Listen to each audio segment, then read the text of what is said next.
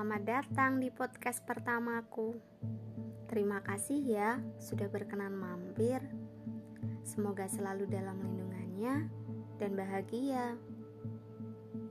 Oke, di podcast pertamaku kali ini, aku bakalan ngomongin tentang cinta pertama.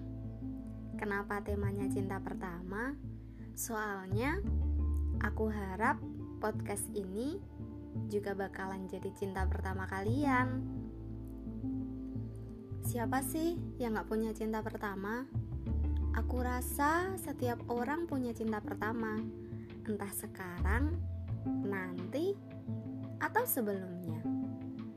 Dan cinta pertama itu cakupannya luas loh, bukan hanya kepada pasangan saja.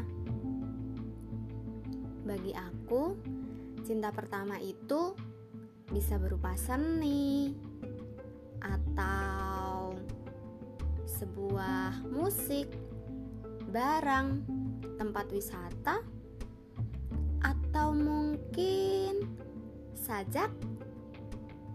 Cinta itu kan bukan hanya hubungan antara laki-laki dan perempuan saja. Jadi, bagi aku, cinta pertama pun sama kayak podcast ini nih misalnya. Ketika kalian dengerin suara aku dan jatuh cinta sama tema yang aku bawa, bisa jadi ini juga cinta pertama kalian loh. Oh iya, ngomong-ngomong soal cinta pertama, kata orang nih, cinta pertama itu selalu gagal. Hubungannya gak berjalan dengan baik Kenapa bisa gitu ya? Kalau aku ingat-ingat lagi ke belakang, sebenarnya sejauh ini aku seperti belum pernah merasakan cinta pertama. Kalau untuk seorang laki-laki ya, menurutku kenapa cinta pertama itu gagal? Soalnya kebanyakan orang belum punya keberanian buat ngomong, buat melangkah lebih maju lagi atau membangun hubungan dengan seseorang yang dianggapnya sebagai cinta pertama. Itu kenapa ketika kita jatuh cinta sama orang, kita benar-benar harus punya keberanian. Dan satu lagi, setiap orang itu berhak jatuh cinta. Dan setiap orang juga berhak buat gak jatuh cinta sama kita. Cinta pertama itu diibaratkan apa ya? Kayak dunia buat bayi yang baru lahir. Semuanya serba baru, semuanya terlihat menyenangkan dan semuanya mampu membuat penasaran. Kalau orang punya cinta pertama, biasanya mereka cenderung punya perasaan yang lebih bahagia, selalu ingin ketemu, selalu ingin lihat wajahnya, ingin dengar suaranya, ingin ada di sekitar dia. Pokoknya apa aja deh yang bikin dia bahagia, yang penting sama orang itu, si cinta pertamanya. Termasuk juga berlaku buat cinta pertama kayak misal seni, musik, uh, novel, atau tempat-tempat wisata. Pasti kita cenderung bakalan susah buat ngelupain tempat wisata atau mungkin musik yang kita dengar. Yang dalam sekali dengar, aduh, ini musik cocok banget ya, kayak aku, dan akhirnya jadi musik favorit yang tanpa kalian sadari ternyata musik itu cinta pertama kalian.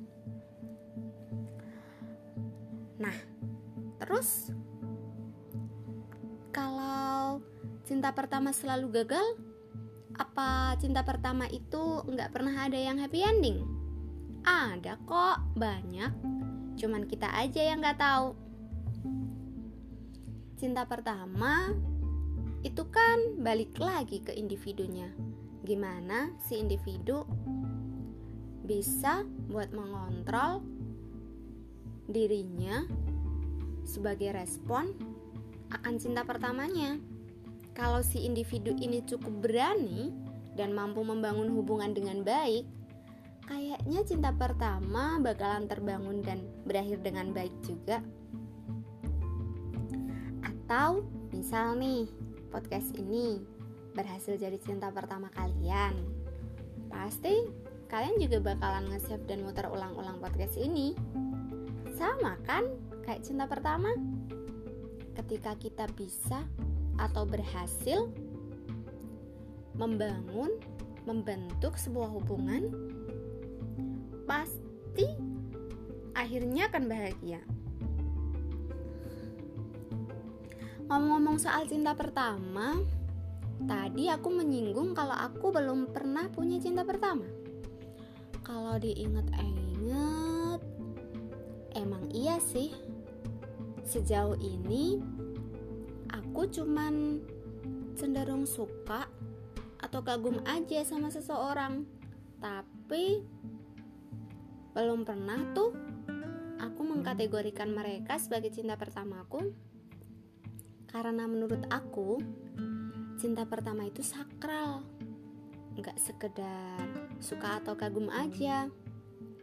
Cinta itu perasaan yang suci. Yang apa ya?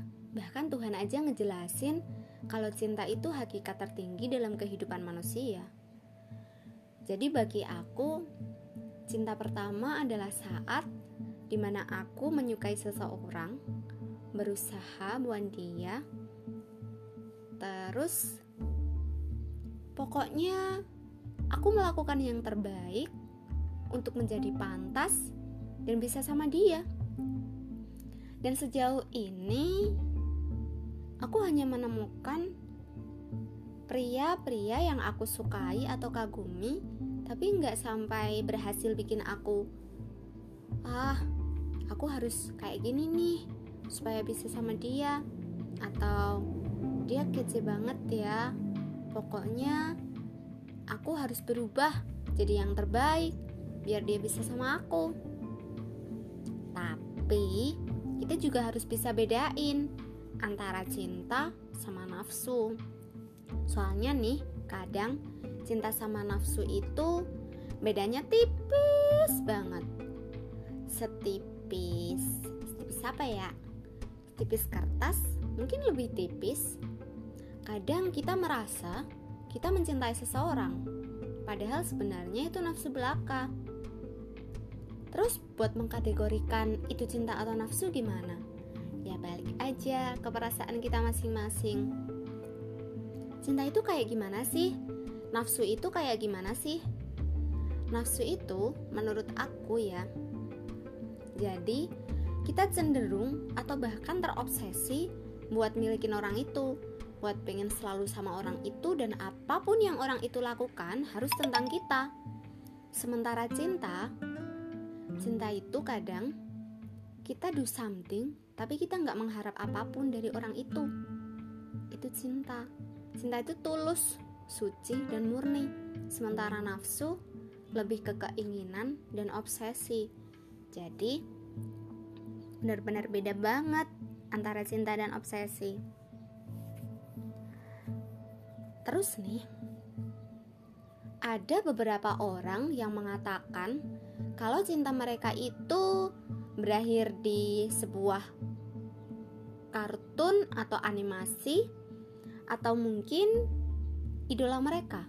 Gak salah kok, kan tadi di awal aku nyebutin kalau cinta pertama itu banyak macamnya.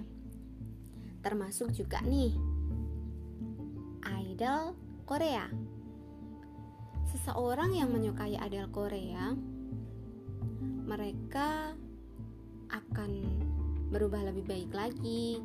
Mereka berusaha buat jadi yang terbaik versi mereka, merubah diri, lebih bahagia, dan mereka mencintai idol mereka dan itu nggak salah kok selama selama nih cintanya itu bukan obsesi.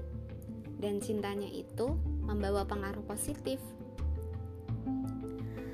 Terus, cinta pertama itu adalah sesuatu yang sebenarnya nggak bisa dengan mudah kita definisikan karena urusan hati dan rasa itu nggak semudah kita menulis pengertian A, B, C. Cinta dan rasa bentuknya kan abstrak. Cinta juga kata sifat jadi nggak mudah buat kita untuk menyimpulkan apa sih cinta itu bentuknya kayak gimana sih? Karena cinta lebih fokus ke aplikasinya ke implementasinya.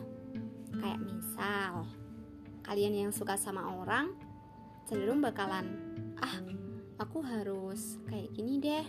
Dia kan suka tipe cewek yang kayak gini. Atau aku harus lebih pintar dari sekarang soalnya dia juga pintar. Atau lagi aku bakalan ikut organisasi ini. Soalnya dia juga ikut ini biar aku punya waktu sama dia. Nah jadi menurut aku cinta itu tidak ada bentuknya tapi ada implementasinya. Dan lagi cinta itu bukan sekedar sama pasangan aja loh. Bahkan sama orang tua sama Tuhan itu merupakan sebesar-besarnya cinta bahkan Tuhan ngasih tahu kita kalau hubungan dalam hidup itu ada hubungan antar manusia, hubungan manusia dengan Tuhan, dan hubungan manusia dengan alam.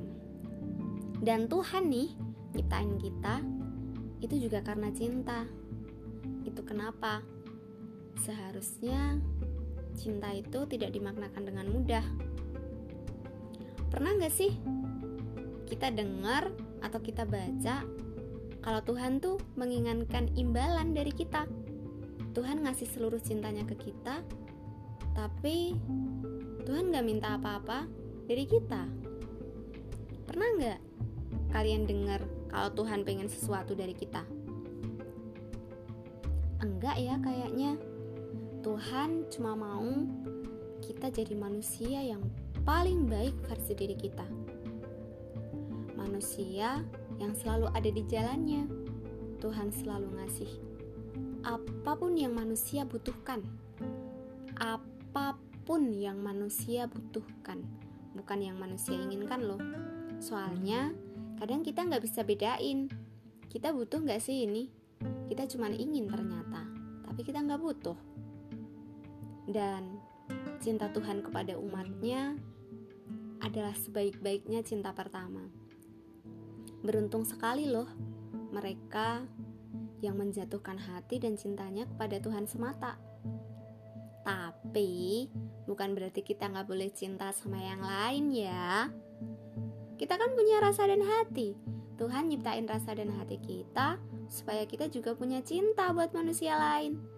Termasuk cinta buat gebetan-gebetan kita atau crush kita yang ternyata diem-diem suka balik sama kita Seneng gak sih kalau cinta pertama kita ternyata berbalas dengan baik?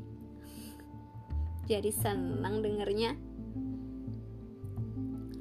Oh iya, kalau ngomongin soal cinta itu cakupannya luas, gak bakalan abis-abis. Beneran deh. Apalagi nanti kalau masuknya udah hubungan. Uh, makin universal lagi. Terus karena cinta itu konsepnya enggak sesederhana yang aku bayangin, kadang bagi aku menganalisis atau mendefinisikan soal cinta lebih susah daripada harus memahami matematika. Eh, iya sih? Iya enggak sih? Enggak, ding, bercanda doang. Eh, tapi urusan soal cinta emang kadang se-ekstrim dan so complicated itu. Ya udah. Ini aja deh. Pembukaan soal cinta pertamanya. Nanti kalian bosan lagi. Pokoknya siapa pun yang menjadi cinta pertama kalian, dia harus menjadi seseorang yang beruntung karena memiliki kalian, dan kalian harus menjadi seseorang yang beruntung juga karena menjatuhkan cinta pertama kalian kepada dia. Selamat tinggal, sampai bertemu lagi di podcast selanjutnya. Dah.